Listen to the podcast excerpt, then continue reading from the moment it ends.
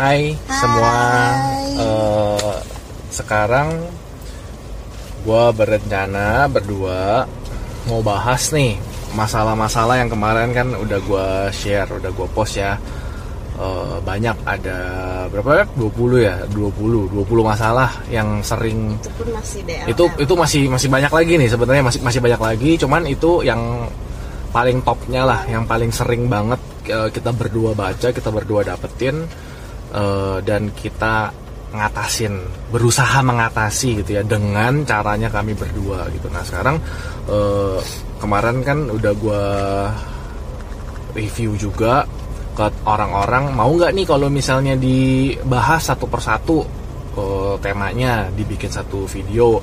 Oh ternyata pada banyak banget yang mau. Jadi kayak gue pikir oke okay, gue mulai dibahasin satu persatu supaya kalian bisa lebih rapih kali ya Beb ya. Lebih rapih ngelihatnya nontonnya tuh lebih rapih per topik gitu loh. Nah sekarang uh, topik pertama yang beruntung itu lucky number 7 nomor 7 yaitu masalah keuangan.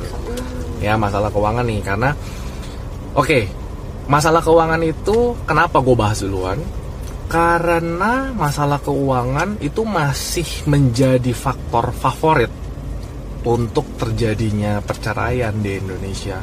Masih jadi yang uh, bener-bener banyak deh banyak banget deh karena masalah keuangan. Nah di sini kita akan kupas kenapa bisa masalah keuangan jadi yang paling favorit gitu. Oke gue akan bahas dari masalah kenapa keuangan uh, bisa bikin rumah tangga itu retak. Apakah benar-benar dari keuangannya atau masalahnya itu bukan karena keuangan sebenarnya. Masalahnya itu e, dari hubungannya itu sendiri. Jadi gini loh uang banyak atau uang sedikit itu belum tentu e, menjadikan sebuah rumah tangga itu patokannya itu bahagia apa enggak. Tergantung uangnya itu banyak apa dikit ya. E, terus jadi oh kalau misalnya uangnya dikit pasti rumah tangganya hancur. Belum tentu ya BPA belum tentu gitu loh. Bisa jadi orang yang rumah tangganya eh orang yang keuangannya banyak melimpah itu pun rumah tangganya bisa berantakan gitu loh. Itu itu sangat memungkinkan malah gitu ya. Jadi kayak nggak di sini nggak ada patokan. E, merana apa duitnya sedikit berarti rumah tangganya pasti hancur duitnya banyak pasti bahagia. Enggak tapi memang harus diakui kalau misalnya duitnya banyak ya pasti lebih happy lah. Maksudnya lebih lebih mudah gitu loh dibanding duitnya lebih sedikit. Itu pasti dibanding dibanding duit besok mau makan apa mikirnya gitu. Ya lebih lebih happy kalau misalkan lu duitnya berkecukupan lah itu udah pasti gitu. Nah menurut gue di sini apa yang bisa bikin halnya seperti itu itu pertama kan nggak ada komunikasinya nih. Di awal biasanya nggak ada komunikasinya. Komunikasinya itu adalah cara manage duitnya. Nah di sini gue nggak tahu ya kalian itu cara manage-nya itu gimana. Karena menurut gue di sini itu murni kesepakatan. Jadi kayak nggak ada yang nggak ada yang paling ideal kali ya Pepe. Nggak ada yang benar-benar paling ideal. Oke uh, kok kalau misalnya udah nikah duitnya itu harus gabung apa enggak? Atau harus dipisah suami-suami istri-istri? Atau uh, harus satu uh, mangkok? Ini isinya duit semua istri mau pakai apa suami harus tahu. Suami mau pakai apa istri harus tahu. Nah ini dari dari macam-macam pilihan ini sebenarnya nggak ada yang paling ideal. Kalau gua sama mami kita punya satu mangkok itu mami mau pakai silakan. Gue mau pakai silakan. Tapi kita berdua sama-sama saling mengetahui. Dan kalau misalnya nominalnya udah agak gede ya sama-sama minta izin lah ya BPH sama-sama minta izin gitu loh. E, mami misalnya mau beli mau beli ini mau beli itu izin ke gue gitu. Ya gue pasti kasih gue nggak mungkin nggak mungkin nggak kasih gitu ya. Kalau misalnya gue mau beli ini mau beli itu mami juga pasti kasih izinin gitu. Tapi itu kalau kita kalau kita berdua katanya keuangan kita tuh jadi satu. Jadi kayak uh, pertama gue juga nggak nggak pernah bikin surat perjanjian pisah harta nggak nggak pernah nggak pernah kayak gitu gitu kan. Jadi kayak ya udah duit gue ya duit dia duit dia ya duit gue gitu. Terlebih lagi karena kita berdua bisnis bareng gitu kan. Jadi keuangannya ya keuangan bareng. Nah jadi di sini kalau misalkan kayak kalian merasa oh kok ini sih suaminya sembunyiin duit nih misalnya sembunyiin duit sendiri misalkan gitu kan. Dia kasih jatah buat para istri tapi dia juga punya duit simpanan sendiri. Itu salah nggak? Menurut gue nggak bisa dibilang salah. Iya tapi nggak sepenuhnya benar juga gitu loh. Kalau dia nyimpen duit sendiri tanpa sepengetahuan lu, ya di situ jadi kenanya ke faktor kejujuran kali beb ya. Jadi kayak mm, kenapa mesti nggak jujur? Pertanyaannya. Iya nggak terbuka. Maksudnya menurut gua kenapa lu mesti nggak jujur bro? Gitu loh. Kenapa lu nggak ngomong aja sama sama istri lu? Kalau misalkan lu butuh nih sekian ratus ribu buat isi kuota ini main game ya kita nggak nggak tahu gitu kan. Dia tuh misalnya buat jajan atau buat beli rokok atau buat hangout sama temannya menurut gua ya lu terbuka aja sama istri lu. Emang kenapa gitu loh kalau misalnya lu butuh buat buat jajan gitu karena ada juga suami yang duitnya semua hasil kerjaan kasih ke istri semuanya. Nanti kalau misalnya dia butuh apa baru "Eh, mah bagi dong duit sekian mah bagi dong duit sekian ya. Kalau istrinya nggak pelit kalau ketemunya istrinya pelit nggak boleh gini gini apa? Ya si suami itu bisa jadi main belakang dia ada duit sekian ya dia simpan buat diri dia sekian. Ini loh maksud gua karena hubungannya itu nggak bagus jadi keuangan itu bisa jadi masalah gitu. Nah itu dari yang awal gitu ya. Mami ada mau tambahin nggak? Aku setuju kalau uang itu belum tentu sumber masalah. Tapi memang kayak kita hidup pernikahan juga memang harus butuh uang nggak Ya, dipungkirin betul. gitu kan. Tapi kalau yang selama ini kita percayai dan kita anut itu adalah ya uang nggak pernah maksudnya kebahagiaan itu bukan dari uang tapi uang itu cuman jadi bagian yang bisa memudahkan melancarkan aja Hmm. gitu loh maksudnya jadi ya kalau misalnya lagi nggak ada uang ya mau beli ini itu kan jadi susah Hmm. gitu kan jadi harus eh, lebih putar otak Hmm. gitu loh maksudnya tapi kalau misalnya ada uang oh iya memang udah kebutuhan ya udah silakan pakai aja. Udah nggak usah pusing-pusing kayak gitu. Jadi kayak cenderung lebih melancarkan aja sih hidupnya nggak jadi pusing aduh duit dari mana ya? Nggak hari pusing ini besok makan apa, ya? apa, apa ya. ya. Cuman kayak gitu doang. Tapi nggak benar-benar jadi sumber bahagia. Kenapa? Karena belum tentu eh, kalau misalnya udah nggak pusing masalah duit besok mau makan apa terus berarti hidupnya udah nggak ada masalah sama sekali. Belum tentu juga gitu gitu. Terus udah gitu masalah yang eh, keuangan gabung atau pisah kayak gitu menurut aku memang benar-benar harus diomongin kalau perlu ya. ketika kita udah serius menjalani hubungan sama pasangan pas pacaran boleh gitu coba mulai diomongin menurut kamu pandangannya gimana? Karena aku dengar banyak banget eh, contoh-contoh yang kes- dari awal sih kedengarannya ideal dan kedengarannya eh, oh ya ini banget nih eh, bagus banget untuk diikutin tapi belakangnya belum tentu gitu loh. Contohnya aku pernah dengar ada suami yang bilang eh, oh kalau gue mah duit semua kasih istri gue gue sih terbuka semuanya gue kasih ke istri gue gini gini gini biar dia yang ngatur dia yang jadi keuangannya gitu. Bagus kan gitu di saat banyak banyak suami yang eh, tertutup sama istrinya gitu kan. Ada yang aku pernah dengar dulu suaminya eh, memang diajarin dari keluarganya untuk nggak terbuka sama istri karena takut gitu loh maksudnya takut nggak tahu istrinya bener apa enggak Iya, jadi takut tuh nanti nggak boleh dikasih diambil tahu dulu. Iya. Mendingan ada eh, tabungan cadangan, ada yang kayak gitu. Nah, ketika suami ini bilang, oh gue mah terbuka semua gajinya gue kasih ke istri. Oh ya bagus gitu loh, maksudnya emang emang udah oke gitu. Tapi ternyata belakangannya istrinya baru ngedumel juga. Ternyata suaminya itu kalau misalnya nanti ada apa-apa disalahin disalahin Istrinya gitu pas disalahin, akhir bulan iya. itu dilihat kok Kok lo pas ini? mau minta duit ini kok udah nggak ada duitnya Oh, gitu kan lu gimana itu? ngatur aku ngaturnya nggak bagus jadi dari awal dikasih tapi di belakang dituntut juga. Nah itu kan kesepakatan juga ya. Maksudnya istrinya kaget juga dong kayak gitu kan. Nah, harusnya bisa jadi masalah. harusnya dikasih dengan dengan sesuai maksudnya kayak dipercaya juga gitu ya. Harus Iya, ada rasa kalau memang andai juga. kata abis sih jangan langsung dituduh istrinya ngapa-ngapain gitu loh. Maksudnya eh, mulai sekarang dicatat ya pengeluarannya ya gini-gini loh kok jadi kayak begitu gitu kan. Maksudnya kok tadi awalnya percaya gitu kan. Berarti percayanya nggak tulus ada embel-embelnya nah itu ada bisa ada jadi, bintangnya syarat dan ketentuan iya berlaku. jadi jadi itu bisa jadi Jadi- permasalahan jadi bisa juga. jadi tersinggung nanti kalau misalnya istri udah nggak terpercaya eh nggak dipercaya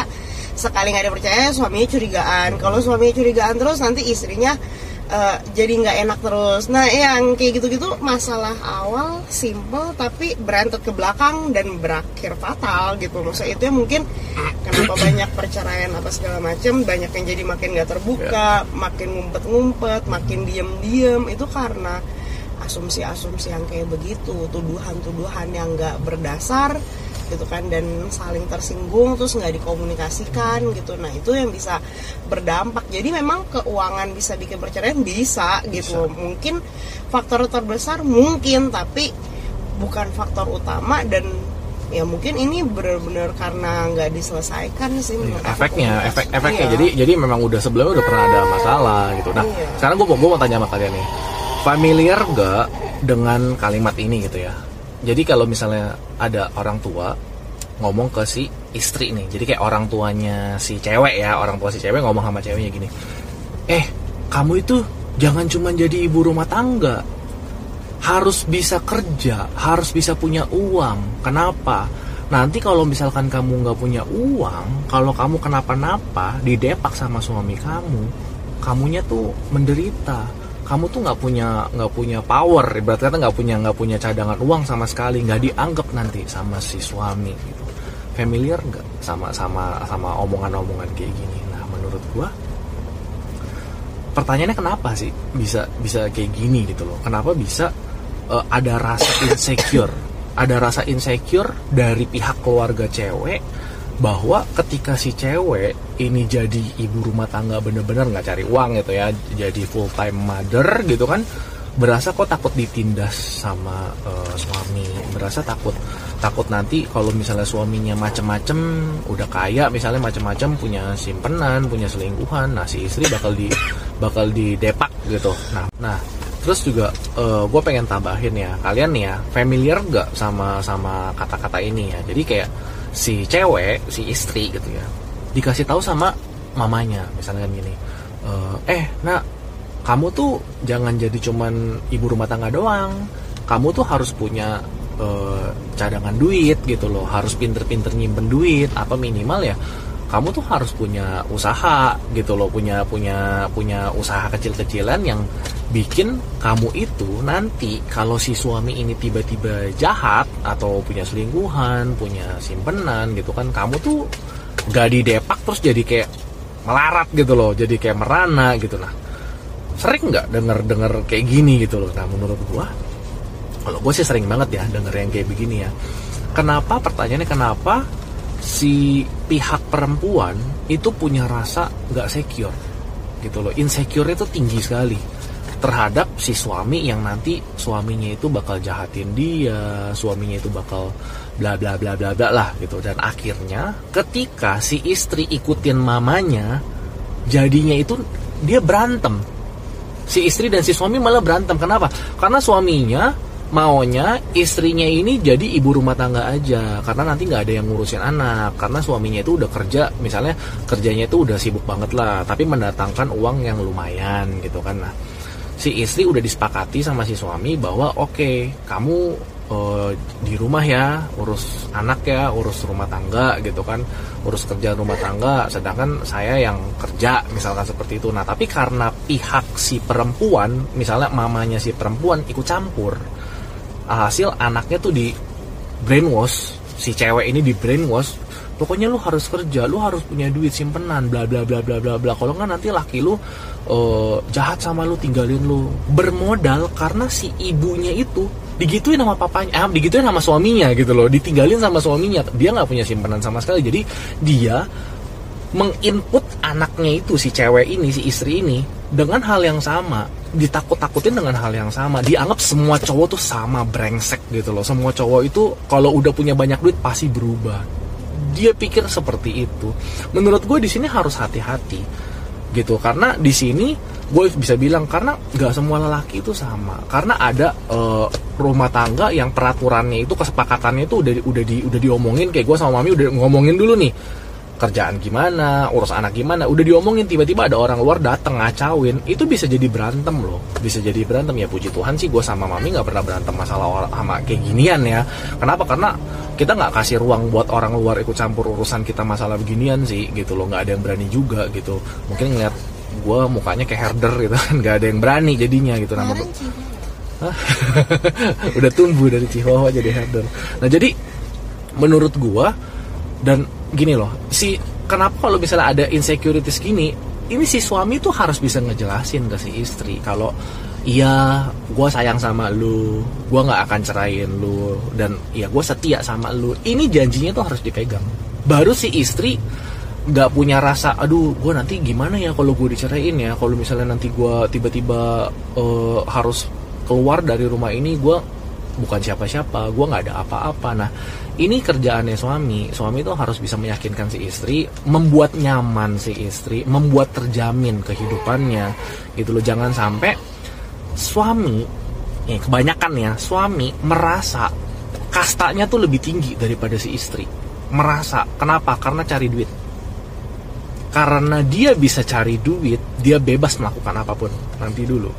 Seriusan nanti dulu gitu loh. Kalau lu berpikir kayak gitu lu jahat. Kalau gue bilang ya lu jahat. Dengan lu berasa lu punya duit akhirnya lu bisa menindas istri lu itu lu jahat banget. Gitu loh. Apalagi kayak kalau lu merasa loh tugas suami kan emang cuman e, cari nafkah doang. Di dalam pernikahan itu tugas suami ya cari nafkah. Sisanya ya itu urusan istri. Urusan mengandung itu istri, urusan cuci piring, cuci baju, beres-beres segala macam itu istri, urusan didik anak segala macam itu istri. Nggak begitu sih. Nggak ada. kesannya jadi kayak Itu- ini ya bayar bayar asisten gitu ya? Lu gua kasih it, biaya lu berasanya gini loh. Lu lagi membeli seorang wanita asisten seumur hidup. untuk dijadikan pembantu, suster, koki, perawat, su- sekretaris seumur hidup lu. Itu itu kejam sih. Menurut gue itu kejam sih. Seriously ini kejam sih ini ini jenis perbudakan modern menurut gue lu beli dengan mas kawin sekian sekian sekian ya kalau tuh naik kalau nunggak gitu kan. Lu kasih resepsi pernikahan yang mewah tapi abis itu hidupnya diperbudak. Gua rasa kalian harus ngomongin lagi deh sebenarnya tuh pernikahan apa sih definisinya gitu loh. Kayak bener-bener serius ini ini harus diomongin lagi gitu. Ketika misalnya uang gue melimpah gue nikahin ini manusia apakah gue nikahin ini manusia buat jadi pembantu di rumah gue nanti dulu. Lo orang mungkin bisa debatin gue kan memang kodratnya begitu kok. Menurut gue nggak ada kodrat yang demikian gitu loh. Kalau misalnya istri sekarang gini loh istri jadi istri itu gunanya buat apa? Kalau buat gua istri jadi istri itu untuk pendamping gua untuk penolong gua untuk memberikan masukan ke gua untuk sebagai pengingat. Kalau gua tuh ada salah jalan mungkin ada kekeliruan. Itu untuk teman berdiskusi teman hidup teman berbagai suka dan duka. Bukannya berarti udah ya lo di rumah ya gua ka- keluar. Gua gua bertualang sendiri gua have fun sendiri dengan kerjaan gua dengan teman-teman gua. Ada lu di rumah aja. Pokoknya duit mengalir terus udah lu di rumah aja. Banyak makanya istri yang setelah menikah itu kehilangan jati dirinya. Dia kayak orang linglung. Kok gua kok begini ya kok gua eh, merasa hidup gua tuh jadi kayak aneh ya? Gua merasa gua nggak tahu diri gua siapa ya. Jadi nggak produktif ya. Dulunya gua produktif sekali kerja bisa menghasilkan uang punya jajan sendiri. Sekarang gua mau jajan aja juga kagak boleh sama suami gua. Misalkan seperti itu. Duit duit apa duit bulanan dijatahin bla bla bla bla. Lebih 500 perak aja ditanyain ini buat apa 500 perak? Misalkan seperti itu gitu itu si istri pun juga nggak pernah membayangkan kali kalau menikah itu seperti itu menurut gua. Ke satu kedua men mana ada orang tua yang punya anak cewek mau anak ceweknya tuh digituin kalau udah nikah gitu loh. Mana mana ada. Kalau lo orang semua punya anak cewek nanti digituin sama suaminya. Mana mau sih? Yang ada nggak dikasih kawin mendingan. Karena nggak menikah itu bukan berarti nggak bisa bahagia loh. Ya lu gak menikah itu malah justru bisa lebih bahagia. Daripada lu menikah dengan orang yang salah. Itu itu di garis bawahin ya lu menikah sama orang yang salah lu akan merasakan neraka dunia. Daripada lu hidup sendiri tapi lu bisa mandiri lu tahu tujuan hidup lu apa gitu kan. Lu bisa penuhi itu lu bisa memenuhi panggilan hidup lu sebagai apa lu bakal lebih bahagia dan lu bakal lebih terpuaskan hidupnya gitu. Jadi gue bener-bener gue kecam suami-suami yang merasa dengan punya duit jadi dia berkuasa atas istrinya mau diapain aja suka-suka. Eh, itu gue gua bener-bener nggak setuju. Kedua jangan merasa lu karena udah nafkahin istri lu tugas lu selesai. Itu salah besar ya BP itu salah besar. Tugas lu itu masih banyak men. Masih banyak banget. Bukan cuma nih kasih duit kasih duit kasih duit udah selesai. Nggak begitu. Terus lu bebas ngapain aja di luaran. Nggak boleh dikomplain sama istri lu. Lu mau main pelacur kayak lu mau hangout sama teman-teman lu kayak mau mabok mabokan kayak istri lu nggak punya suara. Nggak begitu. Itu nggak begitu sama sekali. Lu itu sebagai imam di keluarga lu. Sebagai kepala keluarga. Yang mana lu harus mengayomi istri mendidik anak gitu kan. Melindungi. Melindungi ini uh, istri dan anak gitu kan dari siapa? Dari serangan-serangan orang luar. Orang luar itu termasuk siapa? Mertua menantu orang eh mertua orang tua teman-teman yang yang uh, ikut campur saudara-saudara mungkin ipar gitu kan. Ini banyak banget nih keluhan masalah ipar ya next time ya. Ini banyak banget nih kan. Terus kayak oh, serangan dari dunia luar terhadap istri anak lu. Ini justru lu yang harus jadi pelindung utamanya. Kalau lu menghilangkan uh, status itu peran itu hanya dengan karena nih duit nih satu miliar jepret udah lu tinggal aja pergi. Nggak wise sih. Menurut gue benar-benar nggak wise banget sih gitu kan. Itu uh, wanita itu butuh apa sih kalau dinikahin? Lu harus tanya ke istri lu butuh apa sih? Butuh duit doang yakin lu butuh duit doang. Menurut gue enggak. Mereka tuh butuh disayang. Mereka tuh butuh diperhatiin. Mereka tuh butuh ditemenin. Mereka butuh didengerin. Butuh lu ada di samping dia. Dipeluk, dirangkul, dicium itu tuh kebahagiaannya itu luar biasa menurut gua. Dibandingkan lu jepret nih duit gitu kan. Lu mau belanja apa? Terserah. Tapi lu nggak usah komplain ya kalau gue di luar main cewek ya. Kan lu udah gua kasih duit itu nggak baik sama sekali sih. Ini penyebab perceraian yang paling tinggi. Karena suami berasa berkuasa atas istrinya. Lu kan udah gue beli ibarat kata gitu kan. Ini lu kan udah gue kasih nih duit nih. Udah gue nikahin gue kasih duit lu mau kartu kredit unlimited. Misalnya gitu kan bebas lu mau ngapain aja. Tapi ya lu jangan jangan ikut campur urusan gue di luar. Jangan jangan ganggu gugat privasi gue handphone gue lu nggak boleh pegang-pegang. Lu nggak boleh tahu isinya apa aja gue mau bisnis apa kayak di luar? Yang penting lu dapat duit. Apakah pernikahan seperti itu? Yakin. Coba introspeksi lagi deh diri diri perkawinan masing-masing gitu ya. Ini berbahaya sekali soalnya. Banyak nih yang kayak begini banyak banget nih nih. Dan gue mengecam suami-suami yang seperti itu. Tambahan mami? Dan aku pernah sering banget denger yang kayak dari zaman aku pacaran gelap hmm dari zaman pacaran tuh kayak banyak yang bilang iya jadi cewek tuh harus eh apa nyari cewek harus yang mau dijak susah. Mm-hmm. itu tuh yang bener-bener kayak udah mendarah daging dan terus terang aku dulu juga menganut seperti itu gitu loh. Maksudnya e, jadi cewek oh iya jangan yang matre lah istilahnya gitu kali ya. Terus yang kayak biar ada yang mau tuh kayak oh iya mau diajak susah atau gimana? Kayak gitu kan. Terus tapi um, sebenarnya itu nggak salah sih kalau punya pemikiran seperti itu apalagi itu dari ceweknya gitu loh maksudnya. Tapi kalau misalnya cowoknya yang berpikiran seperti itu dan dia memaksa ceweknya untuk bisa sus uh, apa diajak susah kayaknya perlu dikaji ulang lagi gitu loh. Maksudnya aku tahu itu pasti udah omongan dari turun temurun dari orang tua yang ngasih tahu gitu kan. Cuman kayaknya kok kalau jadi cowok kalau misalnya memang lu bilang sayang gitu kan tapi lu punya uang tapi lu sengaja nyari ceweknya tuh yang yang uh, murah-murah lah gitu. Sampai waktu itu aku sering baca yang kayak di Twitter gitu kan ya tulis uh, berharap apa cewek idaman itu cewek yang skincare-nya cuma bedak bedak bayi gitu kan. Kayak apa sih gitu kan kayak terus pada komen-komennya, woi bedak bayi bukan skincare kali gitu. Loh maksudnya kayak cuman karena lu pengen biar nggak ribet gitu kan tapi lu jadi nyarinya tuh yang ya pokoknya yang eh, nggak uh, nggak high maintenance lah yang kayak gitu-gitu. Menurut aku ya yang kayak gitu itu adalah um, hal yang bikin cewek tuh akhirnya orang tuanya pun memprotek itu anak cewek akhirnya nyari uh, jadi keluar statement. Kalau nyari cowok tuh yang yang mapan, yang, yang bisa iniin, yang bisa ngayomin, yang, yang bisa iniin. Jadi ini kan sekarang bayangin kalau misalnya ada orang tua punya anak cewek sama cowok dia ngomong ke anak cowoknya. Cari istri harus yang uh, bisa dia susah. terus ngomong ke anak ceweknya.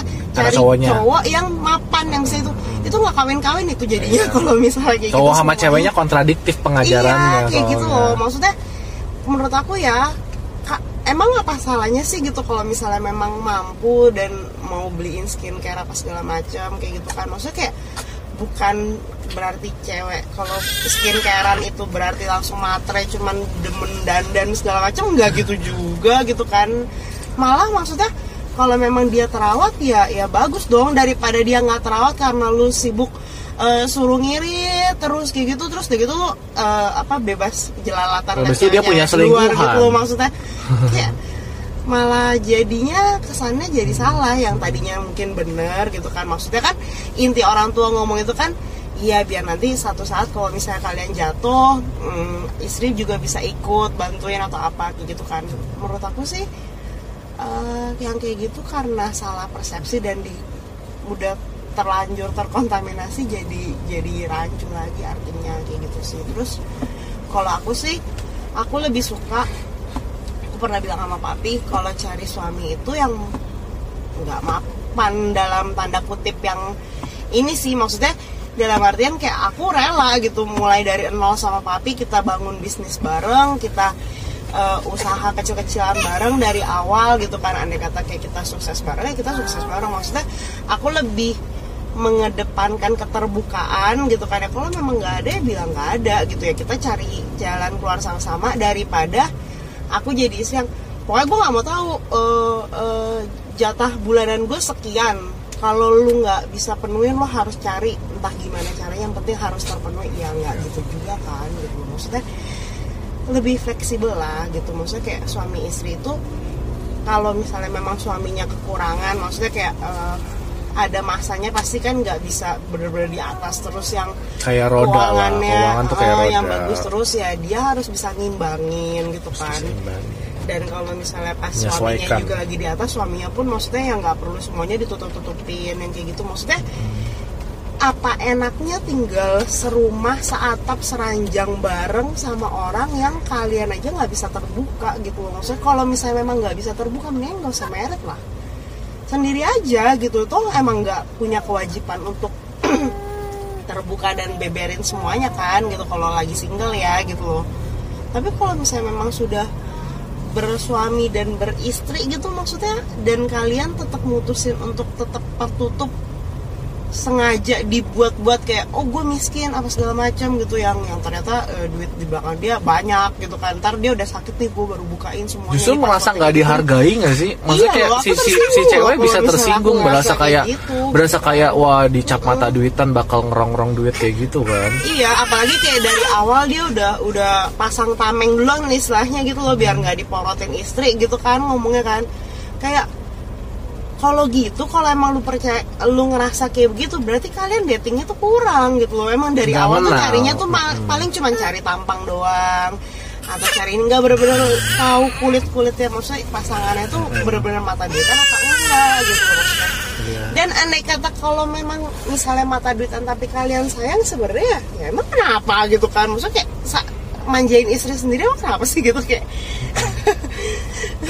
Iya deh jadi sebenarnya jadi gini. ini gitu de- maksudnya. definisi definisi mata gitu. duitan itu juga harus di dijabarin dulu ya. Kalau misalkan definisi mata duitan misalnya kayak gini si cewek ini nggak ada rasa cinta sama si cowoknya maksudnya itu nggak ada rasa sayang. Sayang itu cuma sayang hartanya doang. Kalau si suaminya itu mau menderita kayak mau apa kayak bodoh amat. Yang penting gue dapat duitnya terus. Nah itu mungkin lebih tepat kali di, dilihat sebagai mata duitan gitu loh. Tapi kalau misalkan memang si istri ini hanya meminta sesuatu hal yang memang menjadi kebutuhannya gitu loh. Misalnya sampo, sabun, conditioner gitu kan perawatan eh, wajah gitu loh. Menurut gue itu wajar banget sih. Dan kalau misalnya si cowok itu ketika si istrinya minta kayak gitu akhirnya dia ngecap ah istri gue boros high maintenance mata duitan gitu kan.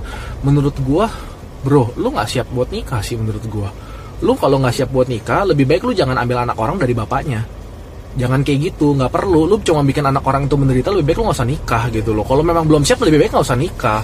Kenapa? Karena lu tanggung jawab sama diri lu sendiri dan diri istri lu gitu loh. Di dan di hadapan Tuhan juga lu lu lu udah ngambil anak orang lu janjiin lu janji janji kasih janji nikah gitu. Janji nikah itu suci loh gitu kan. Maksudnya kayak lu kasih janji nikah terus lu bullshit doang. Lu bener-bener kayak ya udah bodo amat istri lu mau kayak gimana kayak nggak pusing lah. Yang penting gua dengan bisnis gua eh, sukses gitu kan. Terus lu nya merasa gue bebas ngapain aja mau main kek mau hangout sama cewek lain kek mau selingkuh main cewek bodoh amat. Yang penting lu merasa aman lah. Pulang di rumah ada istri yang siapin makanan siapin minuman anak udah beres rumah udah beres eh kayaknya itu definisi istrinya tuh mesti di, di, dikaji ulang deh definisi istrinya apakah seperti itu. Lu tuh bukan punya istri itu. Lu punya anjing penjaga menurut gua. Cuman jagain rumah doang biar nggak kenapa-napa itu rumah. Biar rumah itu bersih biar biar anaknya tuh beres. Tuh satpam. itu bahaya kayak begitu. Itu bahaya gitu. Nah menurut gua ini pembahasan kita kayak udah cukup jelas sih ya. Jadi tuh kayak keuangan itu gua kasih kesimpulannya. Keuangan itu bukan masalah utama. Sekali lagi keuangan itu bukan masalah utama. Benang merahnya itu nggak terletak di keuangan. Keuangan itu itu adalah dampaknya dan penyebab memperparah gitu loh. Jadi kayak utamanya akarnya tuh bukan uang. Akarnya itu adalah diri si istri dan diri si suami sendiri. Ini hubungannya itu gimana datingnya gimana rasa sayangnya gimana kepercayaannya gimana komitmennya gimana. Jadi tuh uang sendiri itu nggak pernah menjadi sumber masalah. Bukan. Masalahnya itu terletak di kalian berdua. Kalau hari ini kalian dapat misalnya 10 miliar tapi rumah tangga kalian memang udah dalam kondisi berantakan. Yakin bisa kondisi keuangannya maksudnya kayak eh, kondisi pernikahannya pulih? Ya mungkin satu tahun mungkin tapi tahun berikutnya? Gitu loh kita nggak tahu gitu. Menurut gua malah ketika kalian dapat banyak uang tiba-tiba yang ada malah lulu gua gua. Tambah lulu gua gua. 10 m ya udah split dah. 5 m 5 m gitu kan. Lo mau ngapain kek? Gua mau ngapain kek? Duit habis. Balik berantem. Balik hancur. Jadi kayak gini loh. Keutuhan rumah tangga eh, terletak bukan ketika pas happy tapi ketika pas mengatasi masalah. Menurut gue di situ eh, kecocokan pasangan itu benar-benar di diuji ya beb ya. Benar-benar di dipertaruhkan itu di ketika lagi kondisinya sulit nah sebagai penutup gue pengen bilang sama kalian kalau gue pelayanan ini sama si mami di Instagram jangan kalian kira kita itu oh orang yang tajir duitnya ini udah nggak berseri kelebihan waktu untuk ngurusin orang-orang gitu kan duitnya udah mengalir terus. Jadi kayak kita tuh santai. Enggak bro. Enggak sis gitu loh. Sama sekali enggak gitu ya. Malah gua sama mami itu bener-bener lagi berjuang gitu loh. Bener-bener kita berjuang. Masalah keuangan ini kita berjuang. Gue punya gue punya struggle juga sama mami. Masalah keuangan gitu kan ya. Anak dua satu baru masuk sekolah ya pasti punya lah. Masalah keuangan pasti punya lah. Jadi kayak masalah keuangan itu tuh cuma dua kebanyakan duit sama kekurangan duit. Dua-duanya ini bisa jadi masalah gitu loh. Ya tapi kalau disuruh pilih ya gue lebih pilih mendingan kebanyakan duit sih. Masa lebih pilih mendingan kebanyakan duit. Nah tapi kayak asal kalian tahu kita berdua tuh bukan orang tajir bukan orang kaya gitu loh. Jadi kayak gue melayani kalian ngeladenin DM kalian itu itu di, di, di dari kekurangan gue loh dari kekurangan kami berdua loh gitu loh. Bukan dari kelebihan kami berdua gitu. Kalau misalkan kayak hari ini gue punya 100 m gitu ya. Gue bagi-bagi ke jalanan 1 m apa ngaruhnya buat gue nggak ada. Nggak ada sama sekali gitu. Tapi detik ini di tengah pergumulan gue sama mami tentang masalah uang masalah hal kerjaan dan yang lain-lain gitu ya gue berusaha untuk membagi waktu gue sama mami untuk kalian semua. Gue bener-bener berdua itu melayani kalian di dalam kekurangan kami berdua loh bukan di kelimpahan kami berdua bukan. Justru di situlah menurut gue gue merasa gue merasa ya gue sama mami tuh setulus mungkin membantu kalian semua gitu loh. Bukan karena gue ada kelebihan waktu enggak malah kurang waktunya. 24 jam mau dikali dua juga masih kurang kali ya. Gitu masih kurang waktunya tuh kurang. Jadi ya gue berharap eh, kita udah berusaha semaksimal mungkin. Makanya kadang kalau ada DM yang belum dibales ya jangan marah-marah sabar. Karena waktunya kita tuh abis anak tidur kita ngapain? Tidur? Enggak kerja.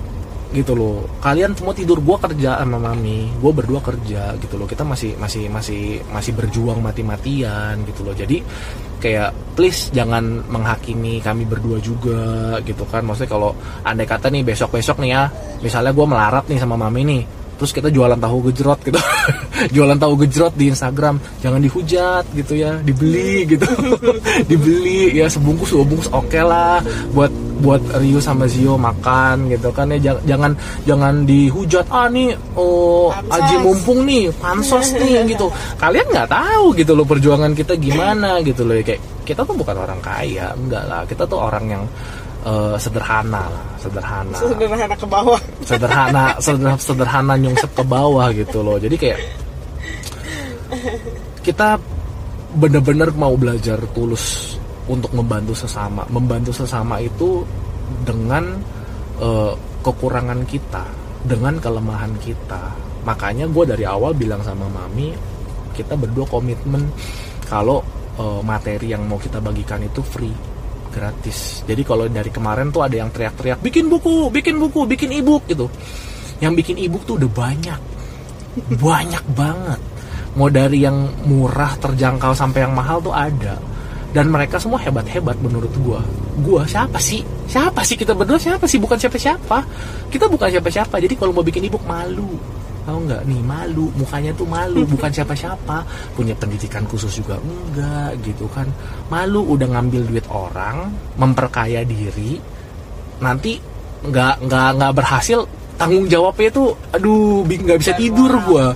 Bebannya itu bisa bikin gua nggak bisa tidur yang ada gitu loh. Jadi kayak DM tetap free. Gue umumin gitu DM tetap free gue bikin materi begini bikin YouTube itu tetap free gitu loh. Jadi kayak kalian nggak bayar apa pun sepeser pun enggak nggak nggak ke gue duit duitnya tuh nggak ada di gue tuh nggak ada gitu loh.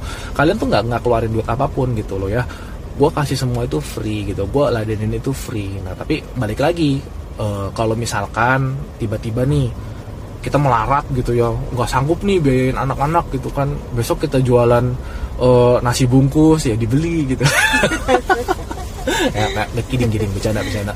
Oke jadi eh, selesai sesi masalah keuangan eh, ada yang setuju ada yang nggak setuju. It's okay nggak masalah gitu ya.